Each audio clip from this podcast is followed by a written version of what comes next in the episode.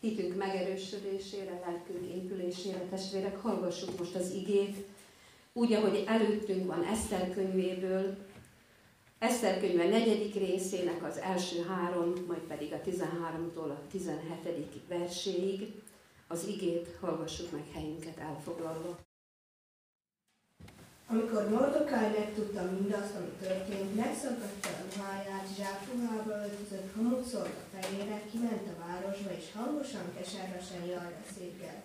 Így ment egészen a király kapujáig, de a király kapujában senkinek sem volt szabad belépni a zsákruhában.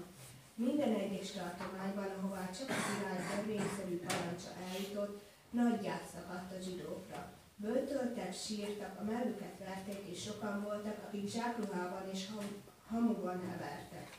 Akkor Mordokály ezt üzente vissza Eszternek.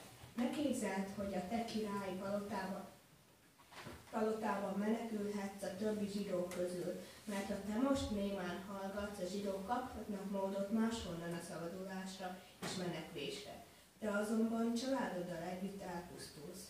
Ki tudja, nem éppen a mostani idők miatt titottál király méltóságra? Eszer ezt üzente vissza Mordokájnak. Menj és gyűjts össze minden zsidót, aki csak Súsámban található, és bőtöljetek értem. Ne egyetek és ne igyatok három napig, se éjjel, se nappal. Én is ugyanígy böltölök szolgáló leányaimat, azután bemegyek a királyhoz a törvény ellenére is. Ha el kell vesznem, hát veszek el. Mordokály elment, és mindenben úgy járt el, hogy Eszter parancsolta neki. Alapigénk a felolvasott történet, a felolvasott szakasz Eszter könyvének negyedik részéből, ami elhangzott a lekcióban. Ehhez most hozzáolvasom Jónás második része tizedik versét, mely így hangzik, az Úrtól jön a szabadulás. Keresztény gyülekezet, drága testvérek! Bőjtben eljutottunk a felkészülés sorozatunkban a szabadulás folyamatához. Ahhoz, hogy mi előzi meg az ünneplést, az öröm, az evés-ivás napját. És ezt most ebből a két ószövetségi bibliai történetből és két személyiségen keresztül látjuk majd meg. Mindkét ószövetségei bibliai történet jól ismert. Mindkét helyszín egy-egy főváros. Ninive, az Asszír birodalom fővárosa, Súsán pedig Perzsa főváros. Ninivében játszódik Jónás története, Súsán várában pedig Eszter és a zsidóság szabadulása. Mindkét személyiségnek, tehát akár Jónásnak vagy Eszternek is az élete közös abban, hogy idegenek között kell hirdetniük Isten hatalmas voltát és irgalmát. És teszik ezt úgy, hogy az életük is, az ő személyes életük is veszélybe kerül. Mindkettőjük személyes életeseményében ott van az életveszély. Ott van a halálra várt, vált állapot és a csodálatos szabadulás. Azonban az ehhez vezető út nagyban különbözik. Jónás engedetlensége miatt került nagy veszélybe, és sodort másokat is életveszélybe. Egy nagy tengeri hal, egy nagy tengeri szörny testében volt kénytelen három napot és három éjszakát eltölteni, és ez az állapota valóban a kétségek mélysége. Eljutott a halál határáig. Így mondja Jónás kettőben, hogy a halál torkából kiáltottam segítségért. Nyomorúságomban az Úrhoz kiáltottam, és ő meghallgatott engem. A halál torkából kiáltottam segítségért, de te meghallgattad hangomat. Mélységbe dobtál a tenger közepébe, és áradat vett körül. Minden habod és hullámod átcsapott fölöttem. Azt gondoltam, hogy eltaszítottál engem magad elől. És így tovább nagyon érzékletesen írja le azt a mélységet, hogy egészen a föld alapjáig jutott le, és minden lehetőség bezárult a feje fölött. Nincs, nem volt lehetősége emberileg a szabadulásra. És azt is megfigyelhetjük ebben a szakaszban, hogy, hogy előbb általánosan mondja, hogy az Úrhoz kiáltottam, majd pedig személyesen neki mondja, te meghallgattad hangomat. Tehát látja, hogy az élő Istennel van, szemtől szembe. Ő az, aki a küldetésre elhívta, és ő az, aki rávezeti majd a küldetése teljesítéséhez. Eszter viszont a származása miatt került életveszélybe, és az ellenségei bosszúja kapcsán volt kénytelen ott a királyi udvarban az életét kockáztatni, és eléggé reménytelen volt az a kijelentése, amit hallottunk is, ha el kell vesznem, hát veszek el. Ő maga is halálra szánta magát, mint közben járó. Tehát Jónás a szent nép profétája, aki ugyancsak óckodott a megbízástól, hogy a pogányváros Ninive ellen hirdesse az isteni ítéletet. Istennek bizony hosszasan kellett vele bíbelődni, míg jobb belátásra bírta. A tengeren is a másik irányba indult el, megvette a hajójegyet, kelet felé kellett volna mennie, de ő nyugatnak indult. Azért, hogy kibújhasson ez alól a feladat alól, de mégsem tehette. Ugyanis a tengeren támadt nagy vihar csak akkor csendesedett le, amikor a hajó mélyén alvó profétát az ő utastársai, a hajós legények felébresztik és számon kérik. És amikor rémületükre megtudták, hogy az élő Isten elől menekül, ott hallja ezeket a szörnyű szavakat, ezt a szörnyű vádat. Hogy tehettél ilyet? Hogy a menny Isten elől menekülsz? És a hajósoknak nem volt más választása, mint nagy félelem közepette. A tengerbe vetették őt, és azonnal elállt a vihar. Így látszólag Jónás elveszett, a hajó és a hajósok megmenekültek, de mégsem ez történt. Mert lám-lám, Isten oda küld egy tengeri lényt, egy tengeri nagy állatot, és az sokkal engedelmesebb, mint a próféta. Az oda megy, bekapja Jónást és lenyeli, és ott a, hajó, ott a hal gyomrában érlelődik meg Jónás szívében az a bűnbánat, az a, az, az imádság, az a kiáltás, amit az imént hallottunk. És mindezek után a hal kiköpi partra Jónást, és ő megtapasztalja, megtapasztalja azt, ami az alapigében elhangzott, hogy az Úrtól jön a szabadulás, tőle van a szabadulás. Jónás megszabadult a hal gyomrából, úgy, hogy fizikailag semmit nem tett érte, de lelkeméjén, szívében nagy fordulat érlelődött. Az engedetlen próféta engedelmes lett hogy Isten a halál birodalma, sőt a mélységek, a sötétség felett is úr, ezt ő már a bőrén tapasztalja meg, nem csak hallomásból tudja, hanem immár saját élet tapasztalatából. Meglátja, belátja, hogy amikor az ember lehetőségei elfogynak, Isten mentő szeretete, Isten üdvtedvre az ő védelme kifogyhatatlan. Isten érleli az ő bölcs tervét, ahogyan az énekben is énekeltük, hogy bölcs terveit megérleli. Rügyet fakaszt az ág. És itt nekünk testvérek, itt ebben a rügyfakadásos tavaszban ez még sokkal közelebb van. Hiszen mi is látjuk, hogy az a bimbó, az a kis bimbó tulajdonképpen egy kis jelentéktelen kezdet, de pompás lesz a virág, és Isten áldásával ízletes lesz a gyümölcs. Amit itt Jónás átél, annak beteljesülése teljes mértékben, betöltése Jézus halálában és feltámadásában van. Ez az, amiről Jézus azt mondja, hogy nem adatik nekik más, ugyanis amikor sürgetik őt, hogy, hogy jel tegyen az ő messiási volta mellett, azt mondja, nem adatik nekik más jel, csak a Jónás jele. Így kapott tehát profétánk még egy újabb esélyt, egy ráadás lehetőséget az engedelmességre. És megtörténik, megtörténik az a csoda, hogy ige hirdetése után Ninive lakói bőjtöt hirdetnek, kivétel nélkül mindenki. A város apraja, nagyja, még a király is leszáll a trónjáról, leveszi díszruháját, és zsákruhába öltözve, hamuba ülve tart bűnbánatot, és könyörög. A Jónás háromban olvashatjuk ezt testvérek, ahogy felszólítja ez a király a népet. Hittek Istennek, hittek az ő szavának, bőtöt hirdettek, zsákruhát öltött a város apraja nagyja. Eljutott ennek híre Ninive királyához is, ő is fölkelt. Levetette díszruháját, zsákruhát öltött magára, és kihirdették Ninivében a rendeletet, hogy emberek és állatok, szarvasmarhák és juhok, és semmi meg ne kóstoljanak, ne legeljenek, semmit meg ne kóstoljanak, vizet se igyanak.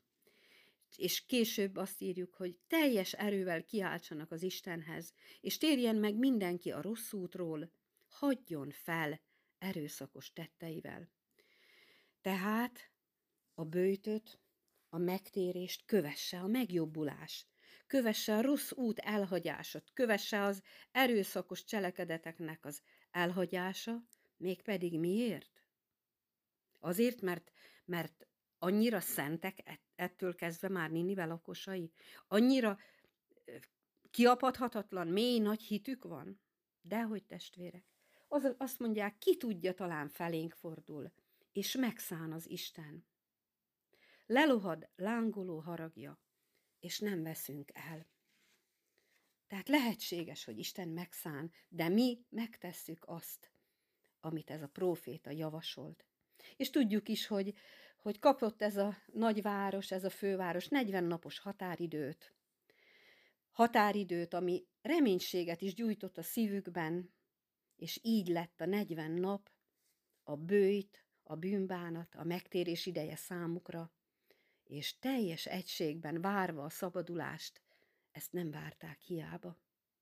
Elhárult a veszedelem, Isten könyörülete és jósága nem korlátozódik csupán Izraelre. És ezt Jónásnak is be kellett látnia, hogy bár úgy nézett Ninivére, úgy nézett az asszír birodalom fővárosára, hogy, és annak a lakosaira, hogy az ők, ők az ő népének ellenségei. Mégis be kellett látnia, hogy mindenkire érvényes Istennek az a könyörülete, aki bűnbánattal hozzáfordul. És így aztán 40 nap elteltével és a, a veszély elhárultával nagy öröme volt ennek a városnak. Ott volt az ünneplésnek a helye, de a bűnbánatot, a bőjtöt nem lehet megspórolni. Testvérek, el, hadd mondjam el, hogy nagy divatja van ma a szabaduló szobáknak. És itt ezt a, a fiatalabb testvérek itt a karzatban, az ifjak még inkább érteni fogják majd, miről is beszélek. Ugyanis izgalmas csapatjáték, igazi agytorna. Ráismersz majd olyan képességeidre, amiket eddig nem is sejtettél, hirdetik magukról és a szolgáltatásukról, azok, akik ezeket a szabaduló szobákat üzemeltetik. Igazából nem valóságos élmény ez, hanem pénzen vett élmény, egy kis játék, kihívás, megtalálni a logikus megoldásokat. Kell hozzá kreativitás. És a lényege csupán annyi, hogy kiuss abból a zárt helyből, hogy kiszabadulj, hogy megtaláld a kódot, és ha mégsem sikerül, akkor azért végső esetben ott van a segítség, és kihoznak téged onnan, vagy titeket, ha csapatostól vagytok. És hát nincs is ezzel semmi baj.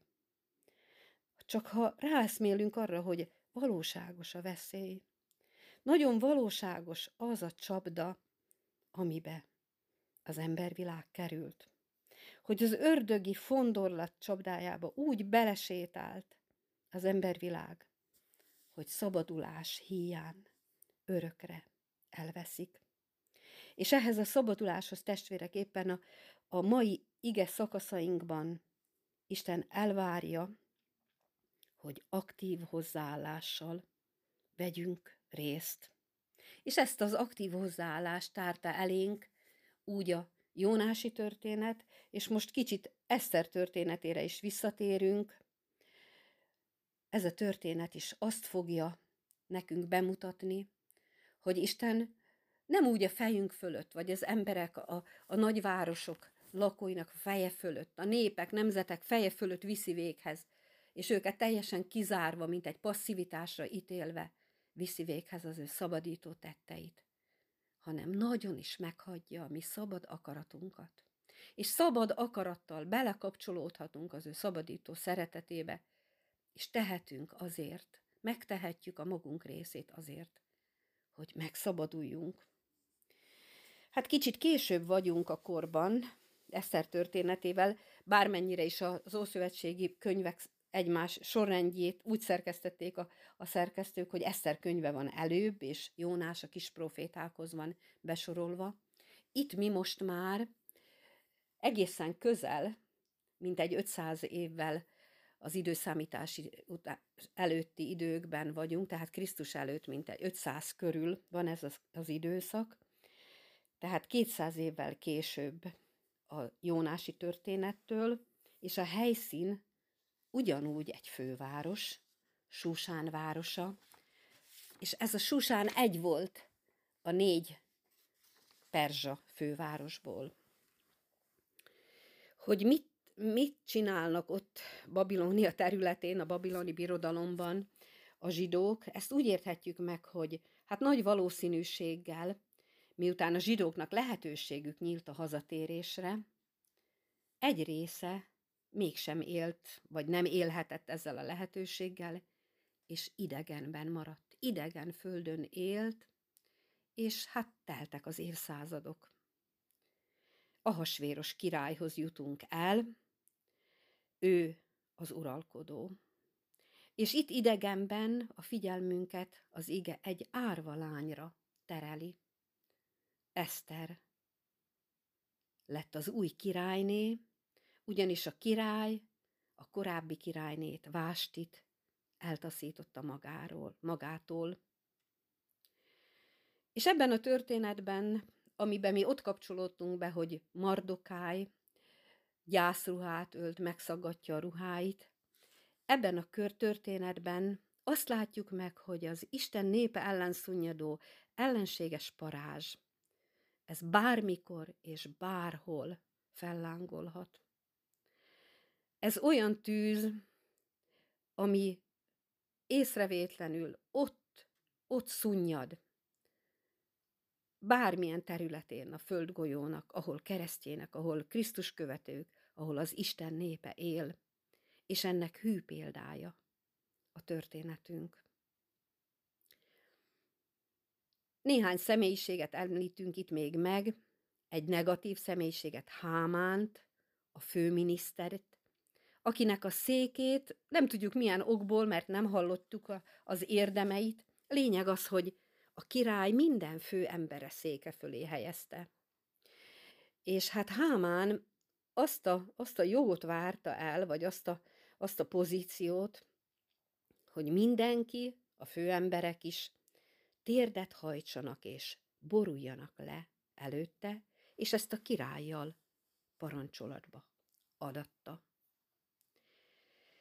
Hát és ahogy látjuk, végső soron ez a, ez a törekvése, ez az öndicsőítése, hogy magának, magának ö, igényelte az emberek hódolatát, az imádatát, ez igazából a zsidók ellen csúcsosodott ki, azért is, mert köztük volt a főemberek közt ez a zsidó származású Mordokáj, aki nem más, mint az új királynő gyámja.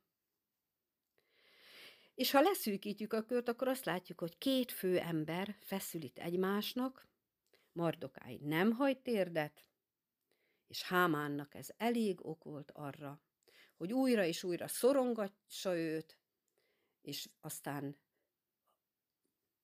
féktelen haragjában az egész zsidó nép kiírtására kapjon engedélyt a királytól. Ha kicsit jobban, mélyebben megvizsgáljuk ezt a történést, akkor nem csak annyit látunk, hogy két főember feszül itt egymásnak, hanem azt is látjuk, hogy két királyi leszármazott. De ebben a két királyi leszármazottban ott látjuk azt a, azt a szellemi harcot, azt a szellemi összecsapást, amikor nem csupán két világnézet csap össze, hanem az élő Isten és a bálványisten. És ha a történetben visszalapozunk, akkor azt látjuk, hogy kísért a múlt. Mert Hámán, ez a főminiszter, az amálékiak királyának a leszármazottja. És az amálékiak pedig Izrael ősi ellenségei közé tartoztak. Mardokáit viszont Benyámin törzséből származtatjuk, tehát ugyanoda, ahol Saul családját is soroltuk. És az a fájdalmas korábbi találkozás ennek a két, két hatalomnak, mármint az Amálek királyának és Saulnak, hogy Saul annak idején megkímélte az Amálekita királyt, Agágot, mint egy kiegyezett vele. És ez volt az ő elvettetésének az oka is. Most itt újra, újra föllángol ez az ősi viszály, de Mordokájnál nincsen kimélet. Ugyan Hámánt a király nagy méltóságra emelte. És ezzel Eszter is, és az ő nagybátyja Mordoká is tisztában volt, hogy, hogy aki a király parancsát és ezáltal Hámán imádatát nem hajtja végre, az a királynak áll ellent. És testvéreképpen a mai napon olvastuk a példabeszédek könyvében, hogy mit is jelent az, amikor a király ha megharagszik. Így olvassuk a példabeszédek 20-ban. A király haragja olyan, mint az oroszlán mozg- morgása, aki fölidézi, maga ellen vét. Hát Mardokány nem volt ezzel tisztában, hogy magának árt ezzel az ellenállással. De igen, de mégis erre volt elhívva. És a történetben van még egy, még egy figyelemre méltó állapot, egy figyelemre méltó dolog. Hámán, amikor, amikor megkapja a királytól a felhatalmazást, hogy kiírthassa a zsidókat, egy nagyon nagy ígéretet tett. Mondhatni egy, egy irreális, egy rendkívül magas és bőkezű felajánlást. Azt mondta, hogy tízezer talentum ezüstöt mér ki a királyi kincstárba, ha kiírthatja a zsidókat. Hát nagyon magas árban szabta meg az értéküket. Mondhatjuk, hogy, hogy irreálisan magas árat szabott királyuk. Ellenszolgáltatást az ő életükért. De testvérek azt látjuk, hogy ennél sokkal, de sokkal többet érnek hát sokkal magasabb árat fizetett az egek ura, az élő Isten, nem csak az ő választott népért, hanem valamennyiünkért. Tehát elkészült az írás, és minden tartománynak a maga nyelvén, a vezetőik nyelvén eljuttatták, és jött a veszedelem, megállíthatatlanul közeledett. És hogyan hárul ez el? Honnan jön majd a szabadulás? És így csúcsosodott ki az a történet, ami elhangzott, hogy, hogy Mardokály maga előbb megszaggatta a ruháit. Gyászruhát vett fel, zsákruhát, hamut szórt a fejére, és utca hosszat, hangosan, jaj veszékelve kiáltozott. Majd Eszter is bőtöt tartott, és erre szólított fel minden zsidót, arra bíztatta, most már Eszter mondja a parancsot, már ő állítja, állapítja meg, hogy mit kell tenni, és azt mondja, hogy három nap és három éjjel mindenki sorakozzon fel mögé. Bőtöljenek érte, kiáltsanak Istenhez, hát ha ad szabadulást. Ez a bizonytalanság ott volt az ő életükben, hisz Mardoká is azt mondta, hogy, hogy hát ha éppen ezek miatt a mostani idők miatt került Eszter erre a királynéi méltóságra. Tehát bizonytalanok voltak, de a maguk részéről megtették azt, azt, amit szabadulásukért megtehettek. Nem csak titokban, hanem az egész zsidó közösség, a teljes egész tartományokban, mind-mind részleteiben leírja ez a történet, hogy, hogy mi mindent Isten lotba vetett ahhoz, hogy, hogy Eszter ebben a halálos közbenjárásában, hogy ne vesszen el. Még azt is, hogy a királyt kerülte az éjszaka, az álom.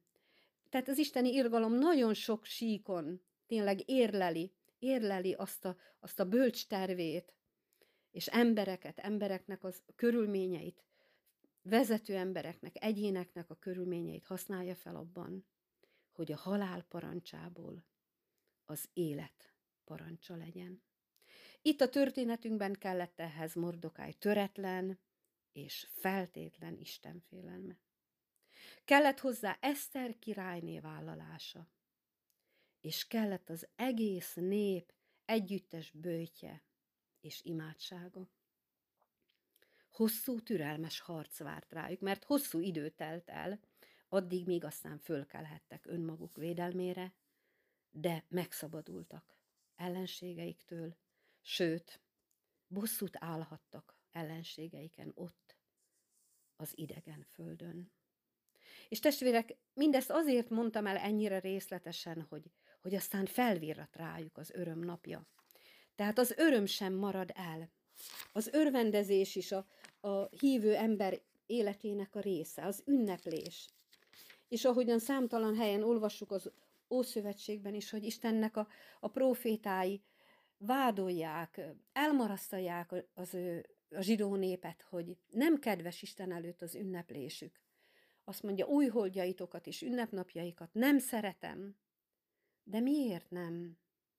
Hát nyilván azért, hogy nem előzte meg ez a megalázkodás, az Istenhez való kiáltás, az, a, az az életveszélyt átélő, veszélyes helyzet, állapot, amiben úgy érezték, hogy ha Isten nem irgalmaz, nem könyörül meg rajtuk, akkor elvesznek.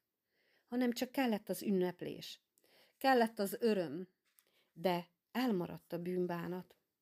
És így olvassuk aztán, miután ugye valami, el, elhárult minden veszély, hogy Susán városa újongva örvendezett. És minden egyes tartományban, minden egyes városban, helységben örültek, vigadtak, lakomáztak, és ünnepeltek a zsidók. Sőt, volt még egy ilyen külön körülmény, hogy az ország lakossága közül sokan zsidókká lettek. Testvérek, mi is most egy ünnepre készülünk. És ezt szolgálják most ezek a bőti, elcsendesedő ige szolgálataink is. Hogy a mi örömünk teljes legyen, hogy a mi örömünknek, az öröm ünnepjeinknek legyen egy ilyen előzménye, ami nem fakad másból, mint hogy átéljük szorult helyzetünket, hogy osztatlan szívvel, hogy bűnbánattal, megalázkodva fordulunk, közösen is, mint közösség, és kinek miben kell bőtöt tartania, kit, ki mit ismer föl az életében, hogy, hogy örömre juthasson az, az ő orcája, az ő szíve, és hogy Istennek a terve az valóság lehessen az életünkben, mert ő azt tervezi, azt szánja, hogy örökös örömbe legyen részünk, hogy ahogy az ige is mondja, hogy teljes öröm van te nálad. Testvérek, be kell látnunk, hogy az örömteli ünnepléshez harc vezet. Mégpedig elsősorban lelki harc, önmegtagadás, kereszthordozás, Krisztus követés. Mert birodalmak jönnek és mennek, de Isten örök. És ma is azt látjuk, hogy világméretű átrendeződés történik, de Isten terve végig változatlan. Isten jót tervezett mindazokkal, akik elfogadják az ő szabadító szeretetét. Azokat megmenti, akik hozzá ragaszkodnak, és megmenti a legnagyobb veszedelemtől, a kárhozattól. Ebben hív bennünket, hogy legyünk társai az ő szabadító munkájában. Amen.